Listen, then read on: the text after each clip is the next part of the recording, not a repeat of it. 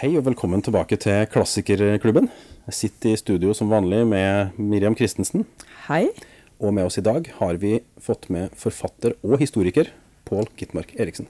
Velkommen. Takk. Og hei. Og I dag så skal vi faktisk eh, innom fransk litteratur for første gang. Vi har snakka om noen franske forfattere i Klassikerklubben før. Eh, Men Marie Darrieussecq og David Foenk- Foenkinos Ja. har begge snakka om klassisk kunst. Så de, kan kanskje de er ikke en del av liksom, Mm. den her store lest- litterære franske Ja. kanoen. Stemmer det. Eh, Jeg tenker at Når vi først skal gjøre et dykk der, så går vi i tillegg langt tilbake i tid. Eh, Kan ikke du fortelle oss litt, Pål, hva det er vi skal se nærmere på? Jo, um, det er jo en forfatter som egentlig er veldig kjent, verdenskjent, og har vært det i uh, snart 500 år. Eh, Montaigne, Michel de Montaigne, han er kanskje ikke han er kanskje ikke like kjent i Norge som han er i særlig den fransktalende, men også engelsktalende verden. Um, men han ble ordentlig oversatt her på nytt for ikke veldig mange år siden. Så uh, hans store verk, hans essays, de er tilgjengelige på norsk. Jeg tror det er både i tre bind og Er det en samla pocket også, kanskje? det har blitt gitt ut en sånn utvalg eller sånn Ja. highlights. Nå skal vi jo kanskje egentlig bruke denne podkasten til å fortelle enda mer om hvem han var, da. Ja, altså jeg tenker Vi må jo egentlig innom begge deler. For det Ja. første, altså, En ting som slo meg da Miriam kom med ideen om at vi kunne spille inn denne podkasten, var at jeg hadde egentlig ikke noe klart bilde av når var det egentlig de her tekstene ble skrevet? For jeg så for meg mm. altså, Ok, kanskje litt før Voltaire, muligens? Hmm, Snakker vi 1600? Jeg vet ikke helt. Jeg hadde liksom ikke Ja. Det var vanskeligheter med å plassere den, liksom. Så, Så- det er kanskje det første vi gjør. Ja, Hvor hører den til? Så Montaigne da, han, han skriver på 1500-tallet, mot slutten av 1500-tallet, i Europa, Frankrike. Um, og det betyr at vi må plassere han i uh, renessansen, høyrenessansen egentlig. Renessansen har pågått en stund, siden 1400-tallet. Men for å kanskje si det enda tydeligere, så vil jeg si at Montaigne, han Eh, han befinner seg helt, helt sånn i starten av det vi kanskje kan kalle moderne tid. Eh, der Europa eh, må sies å ha forlatt eh, middelalderen, da. Hvis vi skal bruke de historiske periodebetegnelsene. Eh, og det er egentlig ganske spennende, for det, hvis vi sier eh, fransk forfatter, essay, 1500-tallet, så høres det kanskje litt sånn vanskelig og Ja. hva, hva skal du si, spesielt ut. Men, men eh, Montaigne er jo eh, Kanskje det, det som gjør han enda mer spesielt, er at han, han blir jo lest i dag av har tusenvis av lesere. Fordi han er så lett å lese. Han er så eh, nær og god og enkel. Eh, og det er kanskje fordi at han på en måte eh, er blant de aller første som skriver som jeg. Altså eh, Det er jo Jeg-formens pioner, liksom. Ja, altså det er noe av det han skriver kan nesten minne om sånn eh, dagboksskriverier. eh, det er enkelt, og så er det først og fremst ærlig. Mm. så dette er ikke en som setter ut for å presentere seg som eh, intellektuell eller eh, spesielt eh, Hva skal du si eh, smart, eller Det vil jeg kanskje si, hevde at han lykkes jo med, eller med å ja, fremstå som intellektuell også, da. Jo da. med, med den bredden av de emnene ikke som han sant, tar og vi skal ikke legge skjul på at Montaigne han er også elska av de intellektuelle. Ja. men men hele, hele prosjektet hans sitt, det er jo på en måte å fremstille seg i sin fulle og hele bredde på en veldig menneskelig måte. Og det innebærer alt han har av feil og mangler. og Han klager over mye. Han klager over sin elendige hukommelse, f.eks. Husker ingenting. Han eh, klager over sin latskap. Og det som jo begynner, det som er på en måte startskuddet for, for skrivinga til Montaigne, det er jo faktisk at han pensjonerer seg i en alder av 38. Tidlig pensjon? Nice. Ja. Vi har jo med en fransk adelsmann å gjøre, men han hadde også et embete. Han eh, jobba som dommer i, eh, i Bordeaux. Eh, men valgte altså som sagt i en alder av 38 å trekke seg tilbake. Det er greit å være adelsmann og ha litt penger. Han eh, trakk seg tilbake til sitt eh, gods eh, på landet utenfor Bordeaux, eh, hvor han eh, mer eller mindre bosatte seg i eh, det ene tårnet. Eh, kona bodde i det andre. De hadde svigermora imellom seg. Flott sånn bilde på hele ekteskapssituasjonen. Og dette, det, dette er jo velkjent for Montaigne-kjennere, men altså han eh, fylte jo det eh, ene tårnrommet med bøker. Og satte seg ned der, da, eh, for å skrive. Han hadde alt han trengte. Han hadde soverom eh, i etasjen under, og under der inne hadde han et lite kapell han kunne gå til for å, for å eventuelt bekjenne eller be. Ehm, så, eh, så dette er jo også en person ja, som har muligheten til å eh, Hva skal du si Tilbringe sin tid Han i sitt eget hode. Han stiger ikke akkurat opp fra folket, liksom. Han er jo allerede i en danna Ja. eh, verden og kontekst og Men når vi sier det, så kan vi jo nevne at eh, bare noen få århundre, århundrer seinere så blir Montaigne både lest og elska av de revolusjonære i Frankrike. Eh, Så han er jo Han har jo en del eh, nye tanker, da, kan du si, som, som ikke akkurat uh, jeg tror vi skal kalle konservative. Man ser litt lenger, liksom. Jeg jeg trekker inn koblinga, for han, Ja. han blir jo gjerne nevnt at han uh, snakker veldig varmt om indianerne i Nord-Amerika, altså den, den nye verden. Og snakker veldig fint om den kulturen som de har, og som er mye renere og mer ubesulla enn den europeiske. Og at nå kommer europeerne og ødelegger dem. Det ja. nettopp kommer rapporter om sånt fra Ja, som sagt, altså Montaigne han er veldig innstilt på, på det menneskelige. Eh, og eh, oppfatter at eh, eventuelle eh, forskjeller, det ligger til kulturen. Ikke sant? Men det er som du sier, altså Amerika, ikke sant, 1492, Columbus, det er den nye verden. Og det kommer masse inntrykk derfra. Han har annet et essay som heter 'Om kannibaler'. Mm. Men jeg vil si at der erklærer han seg veldig tydelig som en eh, antirasist. eh, Nettopp med det du sikter til, da. Men jeg syns vi må si en ting til om Montaigne hvis vi plasserer han i tid. Og det er at Montaigne han trekker jo også sterke veksler, sånn som renessansefolket gjorde på eh, antikken. ikke sant? Og den klassiske litteraturen. Eh, han siterer hyppig eh, Seneca, for eksempel. Skeptikere, stoikere, veldig opptatt av det. Epikur blir også nevnt og sitert. Han viser også til romere. Cicero, eksempel, siterer han hyppig. Og det er jo det som er litt gøy med Montaigne, det er at han på 1500-tallet, så i og med at han leses fremdeles i dag, så sitter han altså og viser til det som i dag er 2000 år gammel litteratur. Så han, han binder på en måte sammen hele den vestlige eh, filosofien, da, på sett og vis. Um, så med Montaigne så, så får vi egentlig 2000 år med litteratur, kan man si. Altså, jeg fant en utgave som er gitt ut eh, på norsk i 1952, med noen veldig små utdrag av Montaigne sine essays, med en lang innledning av den franske forfatteren André Guidé. Som er da skrevet i hans samtid på 50-tallet. Men da nevner han akkurat det med at Montaigne er så rotfesta i antikken. Og så sier han at eh, ja, men det, det var jo alle på den tida.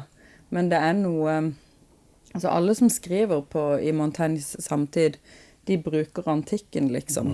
Men det er bare at Montaigne, han trer liksom ut. Eh, Ser ikke altså- bare bakover. Nei, og han klarer liksom å ta med seg dette inn i en sånn slags eh, modernitet, nærmest, ikke sant, på eh, slutten av 1500-tallet, som gjør at det kjennes relevant ut å lese i dag. Ja. Det er ikke en sånn tørr dosering, da. Mm. Men uh, jeg, jeg skjønner ikke helt uh, hvordan han får det til. Eller hva er det han gjør, liksom, som gjør at det står sånn ut, da, og at det faktisk varer over tid. Og at det kjennes uh, aktuelt, liksom, eller helt relevant Ja. å lese Montaigne i dag. Det Dette er et spørsmål som går igjen i Montaigne-litteraturen, da. Ja, ikke sant? jeg kan tenke meg det. Sammen med spørsmålet 'hvorfor begynte han å skrive', osv. Det er en del nøkler der. og um, det er noe med Montaignes uh, nærhet til leseren, eller den tenkte leseren, som gjør at veldig mange opplever på en måte at ja, Montaigne er jo akkurat som Montaigne. ikke sant? Mm. Uh, og den nærheten den kan også skyldes mange ting, da, men den ene er helt sikkert at han, han, skriver veldig ærlig. da. Intellektuell ærlighet, det er på en måte det han setter seg fore. Han er jo, han er jo en skeptiker også, det må vi for så vidt ha med. Um, men, uh, men Montaigne han hadde en skjellsettende opplevelse. Han uh, mista sin uh, nære venn. Eh, Etienne de Boité, som døde i 1563, bare 32 år gammel. Han hadde vært Montaignes kollega uh, som mm. dommer. Uh, og de uh, fikk en utrolig tett og nær forbindelse, som selvfølgelig gikk i oppløsning da Etienne døde. Og Eh, en av teoriene kan jo være at Montaigne på sett og vis fortsetter denne dialogen da, i sin egen skriving, og at det derfor naturlig blir intimt eller nært, eller som om det egentlig ikke pakkes inn i en presentasjon, men det, det, er, det er rett fra på en måte Han snakker til en venn, og da blir du hans venn? Ja, ja. på en måte. Mm. Så, så, det tror jeg nok er uh, en av grunnene. Jeg tror en annen grunn er Han sier sjøl han har så dårlig hukommelse. Vi ser jo at alle de temaene som omtrent tar for seg, så, så ender han jo på, på, en måte opp med en sånn nokså fri assosiasjonsrekke der han egentlig aldri kommer til mål. Altså han trekker egentlig aldri en konklusjon. og noen av de overskriftene kan være direkte uh, misledende, fordi ja, det, det, det ender opp med å handle om noe helt annet. Så der er han jo også veldig menneskelig, da. ikke sant? At det er tankesprang og assosiasjoner og nesten litt sånn levende dagdrømming. Mm.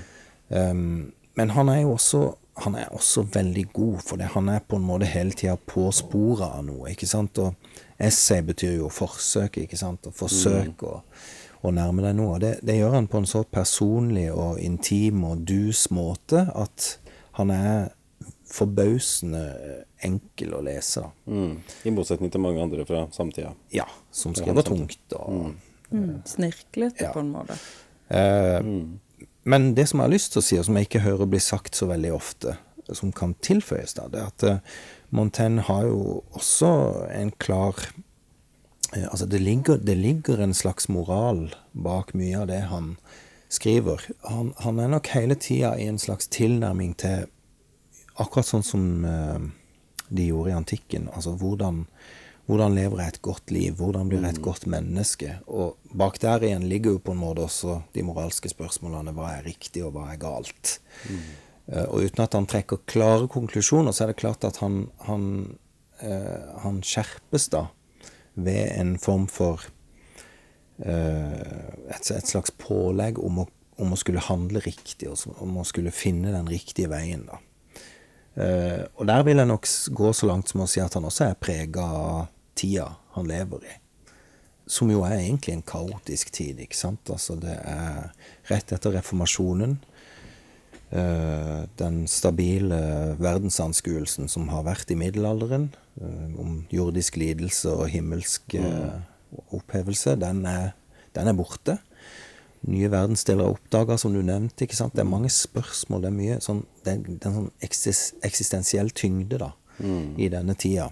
Mm. Det er spennende æra, egentlig. Med, altså, ja, det skjer spennende. så utrolig mye nytt på veldig kort tid. Men også det du sier med uh, altså ideen fra antikken som på en måte blir tatt opp igjen. Og så mm. innser man at å, mye av det vi har egentlig gått og trodd og tenkt, viser ja. seg å kanskje være feil. Ja. Så man må begynne å snu om på hele verdensbildet sitt. Ikke sant? På alle plan. Ikke Helt sant. Sjukt. Nettopp. Og um, i praksis så fører det også til mye kriger, ikke sant. Religionskrigene utover 1600-tallet. Mm. 30-årskrigen, hvor Frankrike spiller en viktig rolle. Um, men, uh, men, så er det så mye spennende på gang, og uh, vi har jo også hatt uh, boktrykkerkunsten, det må vi ikke glemme. ikke mm. sant? 1450. Som Altså, det er jo solgt noe sånt som 10 millioner bøker fram til 1500. Så det tar jo av, ikke sant. Mm. Det er jo en stor revolusjon. Og det betyr jo at litteratur er også tilgjengelig. Mm. Selv om jeg tror Montaigne i, i sin uh, sammenheng satt på et av de største bibliotekene mm. i uh, Frankrike på den tida. Så det var nok relativt sjeldent sånn sett. Ja. Jeg, jeg, så han skrev et sted at, um, at man blir ikke um, liksom profet i eget land. Mens han eh, ha- han skriver at eh, i mitt hjemlige Gascogne tar de det for en god spøk å se meg på trykk. Jo lenger hjemmefra mitt rykte er fløyet, jo høyere blir jeg verdsatt. Ja.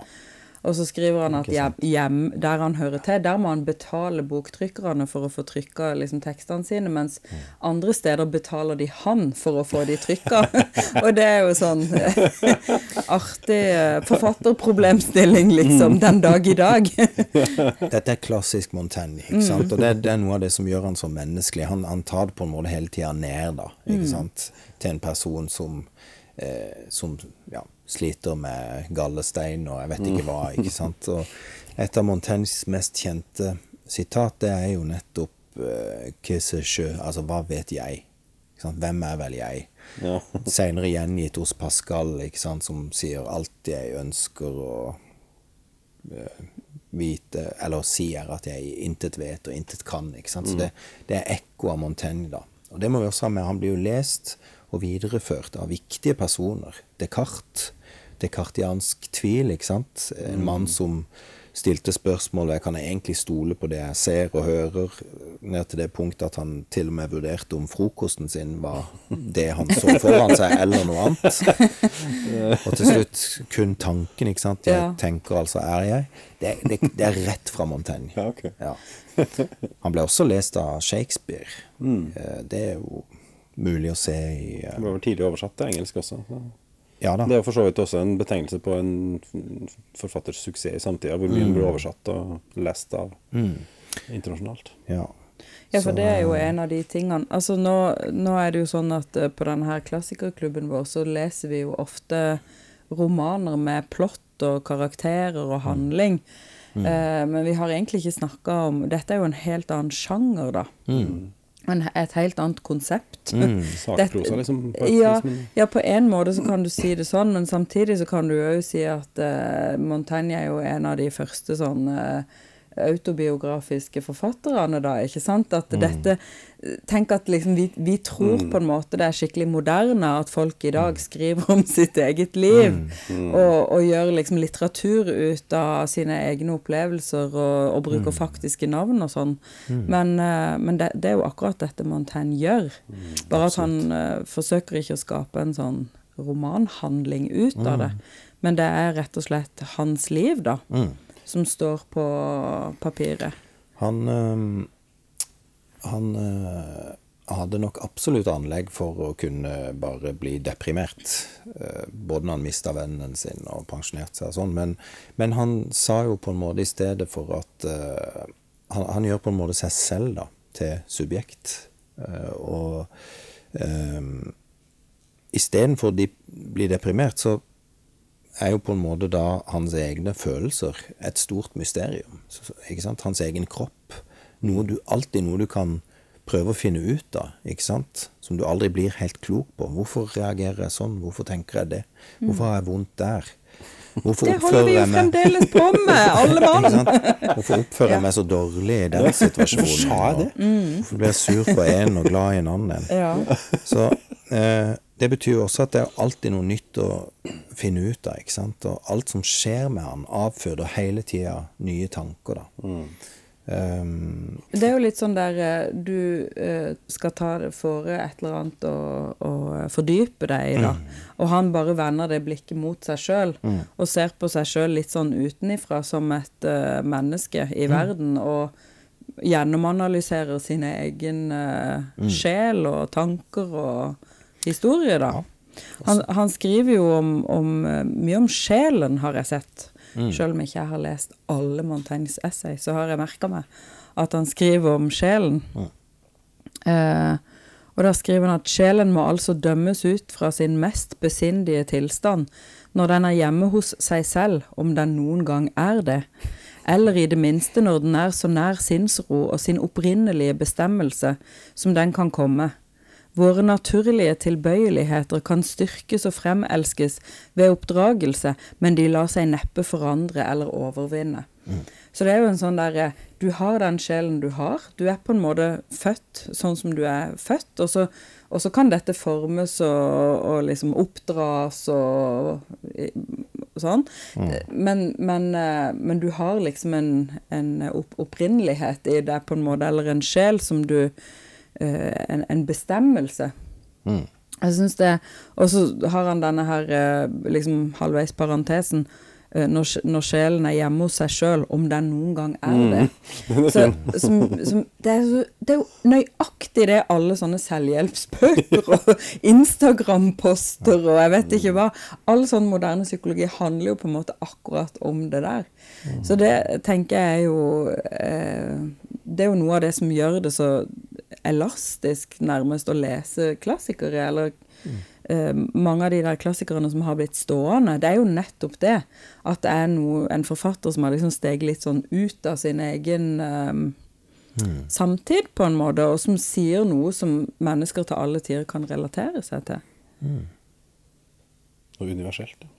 Ja, veldig, veldig universell, og veldig moderne. At, at det er liksom så Han er litt sånn oppløst i seg sjøl, på en måte. Ja, det er jo veldig, altså vi er jo, lever jo på en måte i jegets tidsalder, så det med å liksom, skue inn i seg sjøl og finne både positive og definitivt negative ting ved seg sjøl, er jo hyperaktuelt. ikke sant? Eh, Montaigne kan også virke skjerpende der, for han sier jo at uh, dypest sett så må enhver person også være i stand til å holde ut med seg selv. Ikke sant? Altså hvis du Du må på en måte tåle, sier han, å miste alle rundt deg. Eh, til syvende og sist så står du uansett igjen med deg selv, og derfor må det på en måte være en akseptabel tilstand. da. Eh, han endte jo også opp med å miste veldig mange barn, f.eks. Eh, noe som ikke var uvanlig i tida, men, men disse er jo knapt nevnt i essayene i det hele tatt. Eh, den nære familien, da. Det er akkurat som han, han skiller veldig, og det er jo kanskje noe av Skjerme hans litt kanskje også. Liksom, Ja, men det er kanskje noe av tidstypiske ting, da. At man lever veldig sånn Ja, det- fjernt fra kone og barn. Det er liksom ikke som vårt uh... Bokstavelig talt, ja, selvfølgelig, Ja. siden han er i et annet tårn. Altså, det er jo, Han er jo i det andre tårnet. Eh, Montaigne selv ble jo eh, da eh, oppdratt, eh, vil jeg si, av en lærer, og, og en latinlærer. Eh, han lærte ikke fransk som sitt første språk, men latin. Som førstespråk, faktisk. Ja. Og det var annet fordi at faren hadde bestemt seg for at han skulle få den uh, utdanninga og dannelsen, oppdragelsen. Mm. Så det er klart han sto på den måten antakeligvis antageligvis mye nærmere læreren enn faren. Ja, sånn, Ja. ja. Nå var det jo, altså Alle som gikk skolegang, lærte jo kanskje latin og gresk på den tida, men, eh, men da er det jo interessant hvor nære de kommer til eh, nettopp, nettopp klassikerne. da, på. Ja, De- men det er, de, de det, er, det er. Absolutt, men det er et konservativt valg fordi Ja. uh, Luther ikke sant, åpner jo plutselig døra for at Sånn, gudstjenesten ikke trenger å foregå på latin Mm. og Så, videre. så Så det er noe i emming. Men, men Morten, han, han Det er derfor han er så gøyal, fordi han er i en tid med masse fornyelse, men, men altså ser tilbake til uh, klassikerne. Hva kan jeg ta med meg derifra fremover? Ja. Ja. Mm. Så han er rotfesta i, eh, i den eh, tunge europeiske mm. filosofien, da. Han skriver jo òg et sted at eh, det skjer Jeg husker ikke bare helt hva det er, men det skjer en eller annen sånn ulykke eller ja, mm. noe som gjør at han liksom Tenker på det med den hesten? Ja, han bryter ut av sitt kontrollerte jeg, og da er det latin han responderer på. Ja. Ikke fransk. Så det sier noe om at det er latin som er det liksom opprinnelige språket hans, da. Ja. Det er jo kanskje ikke så mange Det tror jeg er uvanlig. Det var litt uvanlig kanskje til og med da. ja, ikke sant? For man snakker vel uh, folkespråket liksom sånn eh, som sitt første språk, de aller fleste. Dette er jo egentlig en viktig hendelse i Montaignes liv.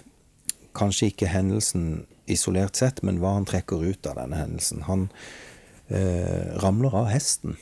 Eh, de er en gruppe som er ute og rir, og så blir han svimeslått. Sånn at han må fraktes tilbake ved hjelp av andre. Og våkner jo da eh, mange, mange timer seinere, og har, har nok rett og slett en følelse av å ha vært uh, død. Eller iallfall døden så nær at det kunne like godt vært slutten. Ja. Og for Montaigne betyr jo det at eh, han har da hatt en konkret, nær sagt fysisk berøring med det innsidige, og opplevd at det var jo ikke farlig. Altså det var ingen smerte involvert, det var ingen dramatikk. Jeg bare forsvant Og for han så er det en um, gir en sånn form for uh, trygghet. Altså Da trenger jeg egentlig ikke å bale med dette fenomenet i det hele tatt. Her er det bare å kjøre på. Når døden kommer, så kommer den, men den er en enkel utvisking, ikke noe mer. Um, så den må vi ha med som en av de skjellsettende. For han hadde gått og vært veldig redd for døden som, Ja, ja. I, i mange, mange år. Absolutt. Dette er en fyr med alt av anlegg for depresjoner osv. Og så som da ved å skrive, noe som han forresten i utgangspunktet ikke oppskatter. Altså skrive og bruke tida si på det, det er ikke i utgangspunktet noe han ser på som eh, høyverdig. Men eh, Det sitter han og gjør i 20 år etterpå. det gjør han i 20 år, og det blir det 1500 sider av som har blitt stående. Ja. Men uh, siden ikke vi har liksom noe plott eller eh, romankarakterer eller noe å snakke om her, så må vi kanskje bare si bare litt mer sånn konkret uh, hvordan bøkene hans sine med essays ser ut. De kommer i eh, tre bind og, og har sånne mm, undertitler. Mm, ja, de undertitlene si. er jo helt eh, Altså, fantastisk. Det heter bare essays, ikke sant? Men, men han har jo massevis av forskjellige sånne omtitler. Skal vi ta noen eksempler her, Mm. må, eller? altså, det er jo noe av det første som slo meg med en gang jeg bare begynte å bla. ikke sant? Hvor, hvor bredt det favner. Mm. Altså, han, han hopper fra ting til ting. Altså, Om fedres kjærlighet til sine barn. Om ære. Om samvittighetsfriheten. Om tommelfingre. Om dem som halter. Ja, hvor, Hvordan vår sjel legger hindringer i veien for seg selv. Fantastiske titler. Og så om samtalens kunst, ikke Ja. sant? Om forfengelighet, om utseende. Om tristhet. Ja. Betraktninger over Cæsars krigføring. Mm. Om noen vers av Vergil. altså det, det, det er veldig mye forskjellig, da. Men mye av det handler jo om, om samvittighet og om, eh, om eh, menneskenes indre liv, da. Ja. De fleste, selv om det er mye hopp innom historie. Og, Det sanselige jeg, ikke sant? ja. Eh, han um, André Gidé, da, som jeg har lest uh, dette forordet til 1952-utgaven av, han, han påpeker jo det at um, uh, den berømmelse Montaignes essay har fått, ville være utenkelig uten forfatterens enestående personlighet. Hva nytt har han da gitt verden? Selverkjennelsen, kunnskapen om jeget. Enhver annen form for kunnskap forekommer ham tvilsom. Men det menneskelige vesen som han blottstiller og åpenbarer for oss, er så ekte, så sant, at enhver leser av hans essays kjenner seg igjen i det. Så det betyr jo egentlig at alle disse Altså, han kan egentlig skrive om hva som helst, da. Ja. Han kan ta for seg anything. en eikenøtt eller en uh, vergil eller en vogn eller en haltende det handler om hans jeg, og hvordan han ser eh, verden, Absolutt. og hvordan han tenker eh, ting inn i Men en av strukturene han bruker, er som sagt også da at han siterer hele veien eh, klassikerne. Og da er det ofte sånn obs, obs, ikke sant. Litt sånn 'ikke tro du er noe'. Ikke sant? Ro ned nå. Du tror kanskje at du skjønner det, men ja, vær oppmerksom på, osv. Så, en som går igjen, det er jo f.eks. For forkynneren fra Bibelen, som, som vi kjenner som 'alt er tomhet', ikke sant, og 'jag etter vinden'. Ja. Så han, han holder seg i selen, og han forblir en skeptiker også til sine egne essays. Også til sine egne Og dette er nok noe av grunnen til at han aldri trekker en konklusjon og kan si 'sånn er det'. Og det er nok også en viktig grunn til at han blir lest, og at han kjennes som menneskelig. Det er at eh, han fortsetter å, å tvile også på seg selv, da. Mm. jeg syns jo det er litt interessant i forhold til dagens uh, debatt, hvor uh, noen spørsmål som har blitt litt brennbare i vår tid, synes å liksom fordele folk på et sånn enten-eller. Enten er du med oss, eller så er du imot oss. Uh, og jeg ser jo at det her forplanter seg også opp i institusjonene. Og det er klart at da kan kanskje Montaigne være en som påminner oss om at uh, i selve kjernen for uh, vestlig uh, filosofi ligger jo nettopp spørsmålet, ikke sant? Ikke svaret. Uh, dialektikken, det handler om å prøve å se ting fra forskjellige sider, ikke sant? Aldri egentlig falle til hvile i en posisjon og si 'sånn er det, ferdig med det'. Vi lever også i en veldig praktisk tid som skal produsere tall. ikke sant? Forskning uten tall, vanskelig å forholde seg til. Eh, kanskje vi kan si at vi lever i et slags nytteparadigme. Ting skal også være nyttig og hele tida lønne seg.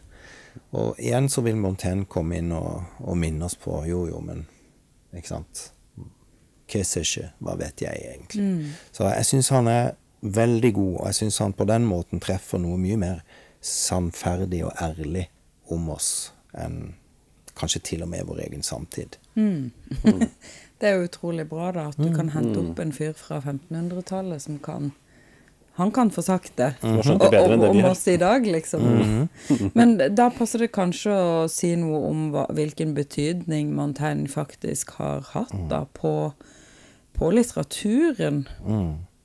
Det er mange forfattere som uh, uh, trekker fram Montaigne. Han er en stor inspirasjonskilde. Vi var jo inne på det litt i stad. Eh, han, eh, han ble lest av mange, både i samtida og i tida etter. Eh, jeg syns jo det går an bare å se på hva som gis ut av Montaigne-litteratur i dag, ikke sant. Den siste jeg leste, det var Sarah Bakewell, 'How to Live', der Montaigne eh, sine essays brukes som sånn eh, Nettopp sånn som du sier, litt sånn guide. Til- ja. Hun trekker ut liksom livsvisdom eller sånn. av- Det er jo en biografi, da. Men, men altså, han avgir hele tida ny litteratur. Um, Folk som leser Montaigne får lyst til å skrive, ja. og, og, og, eller blir inspirert da. Ja. Den siste jeg hørte, var, var en podkast hvor Tilda Swindon, skuespillerinnen, sa at hun hadde alltid Montaigne på sengebordet. Trengte ikke å lese mye, men bare litt, litt av gangen hver Det er jo styrken med essayene nå, på en måte, at det er jo ikke alle som er så lange, så du kan på en måte ta tre sider og så tenke litt på det. Ja, ja, ja. Tenk på det. Absolutt. ja, og så er det ikke noe sånn der handling du må følge med på, huske navnene til alle de 120 russiske navnene liksom i en uh, sinnssyk Tolstoy-roman, liksom. Ja, ja, Det er ikke der, det er på en måte litt mer sånn du, du, han er jo også en sitatmaskin, vil jeg si. For det, hvis du bare sitter og blar i disse essayene Veldig quotable, altså. Ja, skikkelig quotable eh, eller sitatbar. For det, du kan bare falle ned liksom tilfeldig på sida, og så står det et eller annet helt sånn Hvorfor skrev jeg ikke det på russekortet mitt? Det var Ja. dritbra sitat. Ikke sant? Altså, du får sånn som for eksempel um, Nå bare slo jeg tilfeldig opp siden du sa det. Ja. Da havner jeg på 319. Essayet om Cato den yngre. Det åpner sånn. Jeg lider ikke av den utbredte svakhet å dømme andre enn meg selv. Ikke sant? Det er jo et Det er ganske vesentlig. Det ligner ganske mye, ikke sant? Ja. og, og, og jeg bare slo tilfeldigvis opp og fant det har vært mang en berømt mann i verden som ikke var noe særlig bemerkelsesverdig i sin hustrus eller sin tjeners øyne. Det er ikke mange gitt å bli beundret av sin egen husstand. altså, han, han skriver så uh, sitatvennlig. Kanskje vi skal ta en episode der vi tilfeldig slår opp, Ja, ja. og så bare fyller med sitat. Det har vært bra. Ja, men så, men så skriver også han eh, Jeg hang meg litt opp i André Gidé. Jeg syns han skrev veldig sånn morsomt og gøy om eh, Montaigne. Og han skriver at eh, jeg tror at den store glede vi føler ved å lese Montaignes essays, har sin grunn i den store glede de ble skrevet med, og som vi så å si føler i hver setning. Og det er jo noe med det at Ja. tekster som virkelig på en måte setter seg i det. Da kan du, du Det er jo fordi du merker forfatterens uh, sinnelag, eller, eller liksom sånn Formidlingstrang eller Ja. Mm. den har nedfelt seg i teksten, da. At du merker at den som står bak her, har eh, en vanvittig pasjon for det Mm. de holder på med, da. Eh, og som da er veldig inspirerende. Altså du kjenner Montaignes glede over å formulere disse eh, tingene da når du leser den. Absolutt. Når du sier det, så kan vi jo bare slenge inn at eh, omtrent samtidige her er jo både Cervantes med Don Quijote og Shakespeare, da.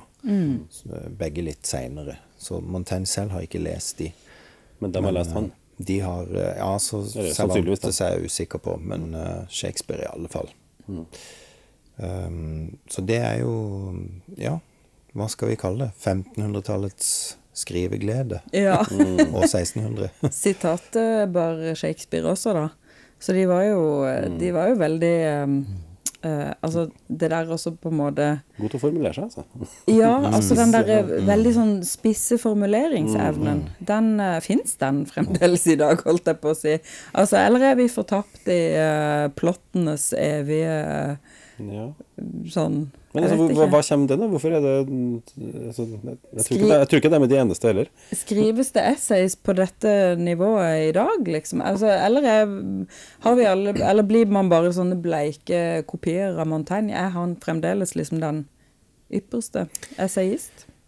Eh, nå skulle vi hatt uh, Georg Johannessen her, Ja. uh, men det har vi ikke. Men i alle fall, altså, vi kan i alle fall slå fast at essaystikken som sjanger i Norge, da, har kanskje tatt to litt forskjellige retninger, der du har det mer sak-prosa-sporet, og så har du nok et litt mer litterært spor. Eh, som, men det forblir en sjanger for både hva skal du si, fagpersoner og skjønnlitterære forfattere. Eh, jeg tror Georg Johansen sier noe i retning at eh, eh, i en saktekst så kan du, la oss si du skal på butikken, så kan du på en måte beskrive det du ser underveis. Det kom en gul buss kjørende klokka ett. en dame lufta hunden sin klokka kvart over ett. Mens i essaystikken så handler det på en måte like mye om hva de opplevelsene setter i gang av tanker og følelser, ikke sant. Når han så dama med hunden, så tenkte han på sin egen barndom, hvor en hund spilte en rolle, et eller annet sånt.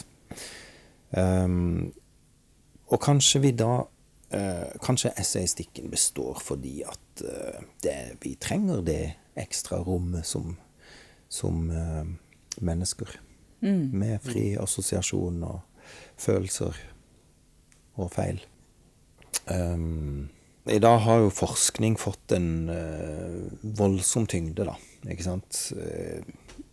I aviser så, så er det stadig 'forskning viser', ikke sant, eller forskerne, 'forskerne sier', som om Så, så hvis på en måte spørsmålet er hvor, hvor finner vi sannheten, og hvordan søker vi sannheten, så vil hver tid ha sine metoder da for å gjøre det, akkurat sånn som middelalderen fant, fant sannheten i kanskje en religiøs tilnærming. Så prøver jeg bare å si at uh, dette essaysporet som Montaigne har anlagt, det, det er kanskje ikke så dumt i forhold til for å finne en, den menneskelige sannheten, da. Ikke sant? Eh, der eh, kanskje nettopp det med følelser og opplevelser og sånn eh, spiller en litt sterkere rolle enn i den litt mer pragmatisk, kyniske, tallproduserende forskninga. Personlig så savner jeg faktisk forskere i dag som tør å tenke litt. Mm. som tør å frigjøre seg litt og simpelthen liksom. spekulere. Ja. Jeg syns vi skal spekulere mer. Um, Jeg Det synes kanskje det Montaigne lærer oss, da. det, ja, Å det er veldig farlig. spekulere og, og la på en måte tankene um, eh, flyte litt, men, men innenfor rammer allikevel, ikke sant? Altså det er jo ikke totalt liksom ansvarsløst eller uten moral eller uten Ikke Også sant? er, ikke sant? Fordi han er grunnleggende skeptisk til seg selv. Mm. Det er det som gjør det så morsomt. Klart Han har jo også en fordel at han har en, en ganske tung klassisk utdannelse og ganske altså, retorikk og vitenskapsteori i bagasjen, så han har jo en, en mye større, bedre forutsetninger for å utforske sånne ting enn det mange andre har. da.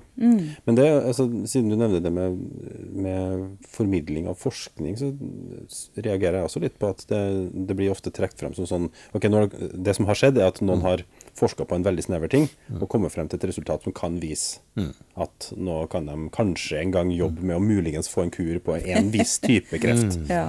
Og så står det i avisa nå kan kreft være kurert. I overskrifta i avisa. Altså, det blir en sånn eh, Det for- fordummes ned, på en måte. Ja. Hvor man ikke Altså, det Ja. Men Du, det man det- ser ikke hele bildet, og det kan kanskje være pga. at artikkelforfatteren ikke gjør det. Men den som leser den, gjør i hvert fall ikke det når du har lest artikkelen heller.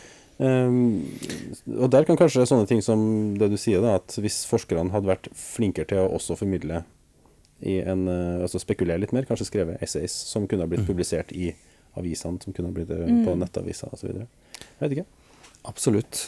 Det handler litt om kulturen i samfunnet. Så dette er nok også et apparat som betjener tidas kultur. Um, og, og vi har blitt litt nytteorienterte. Vi har akkurat hatt en pandemi som f.eks. gjør at mange eleverer helse som et mål i seg selv.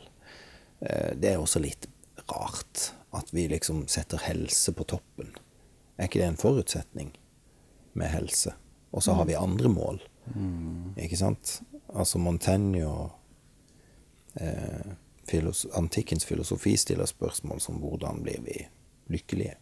Hva gjør oss glad? Hvordan fungerer det gode samfunnet? Kanskje det er på tide å stille sånne spørsmål igjen. Mens dagens eh, populærvitenskapelige artikler sier 'hvordan skal du leve ti år lenger'? Ja, hva skal du gjøre med de ti årene, da? Hvorfor skal du leve Hva ti år skal du gjøre i de ti årene? Hvorfor? ja. Um, ok, nå havna vi litt sånn ute på sånn uh, Nei, jeg synes, Vi havna på en liten uh, sånn digresjon, kanskje. En det passer jo veldig fint. detour. Vi har fulgt tankene sin vei og havna ikke på villspor, for vi Ja. vet jo hva vi snakker om. Ja. til en viss grad.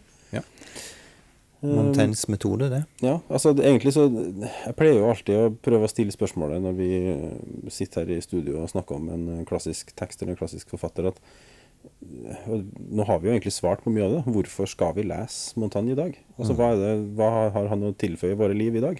Mm. Jeg driver jo nå og leser eh, på den der En sommer med Montagne-boka, som jo er en samling med veldig korte tekster, hvor Antoine Compagnon har tatt eh, tatt for seg liksom enkeltessay, så snakker han bitte, bitte litt om det essayet, men også litt om hvordan det ble skrevet. Altså Det er kjempekorte tekster som åpner litt for de refleksjonene som jeg tenker kanskje var intensjonen originalt. da.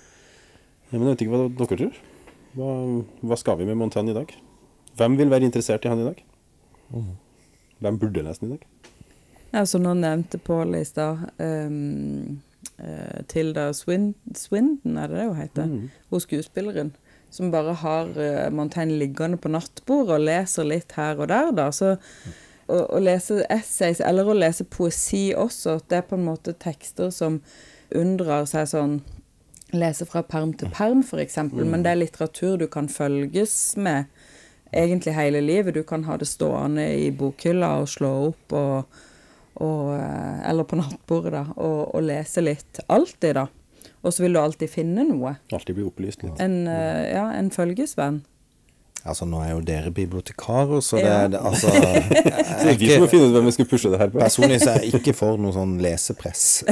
nei, nei, nei. Eh, det, jeg tenker mer at eh, det er innholdet her da som er litt spennende. Og så er lesinga det er bare metoden for å få det, få det inn. Men Montaigne er tilgjengelig, han, både på podkaster og andre ting, så Men et siste argument som kanskje ikke har vært nevnt, er jo ganske enkelt at Montaigne er lest og diskutert uh, i den vide verden. Så hvis du leser Montaigne, så deltar du også i en global samtale da, om hans temaer og litteratur. Så uh, hvis du vil bli et danna, oppegående, moderne menneske Ja, ja. med utsikter 2000 år bakover i tid, les Montaigne. Ja. Det er bra vaskeseddel på Ja, det, det er veldig bra. Altså, det er jo litt uh, interessant altså, at du nevnte med den, altså, at vi er så opptatt av plottene i dag. Og det der bokslukeriet. Du skal, det, her, det her sluk deg. Du skal liksom ha så utrolig tjukke bøker som du skal bare pløye deg gjennom på raskest mulig tid. Og så sitter du igjen, her, her sitter vi igjen med en hvor du egentlig har sånn små konfektbiter som du på en måte må Ok, den her, nå skal jeg lese de tre- sidene her, og så må jeg tenke litt på det. Ta, ta en gåtur og tenke litt på det. Kanskje det Han er jo skapt for Twitter! Herregud. Kort og siterbar og Nei, det her hvordan hadde han eh, publisert i dag, ikke sant? ja. Men, men les også Montaigne fordi at det handler om deg. Ikke sant? Så det er jo den tette forbindelsen de aller fleste som leser, opplever. Det, blir, det ble, nesten som å inngå et vennskap, faktisk. Og begynne å lese Montaigne. Det er din Og- 500 år gamle franske venn. Ja, på sett og vis. Jeg tror jeg må si det så uh, abstrakt som det. Uh, jeg tenker også at Montaigne det er en du egentlig aldri blir ferdig med å lese med. Du leser gjerne kanskje livet ut. Igjen og igjen. Litt her og litt der. Der har du et av de kriteriene vi setter for en klassiker også. At det skal kunne gå tilbake om igjen og om igjen, og alltid fin. da. Mm. Jeg tror vi må bare avslutte der med en oppfordring om å lese, lese Montagne. Altså. ja. Ja. Utrolig hva det kunne hente. Forsøk. Ja, Gjør et forsøk. Tusen takk for at du ville komme i studio og snakke med oss. eh, på. Takk for at jeg kunne komme. Takk, Takk for nå.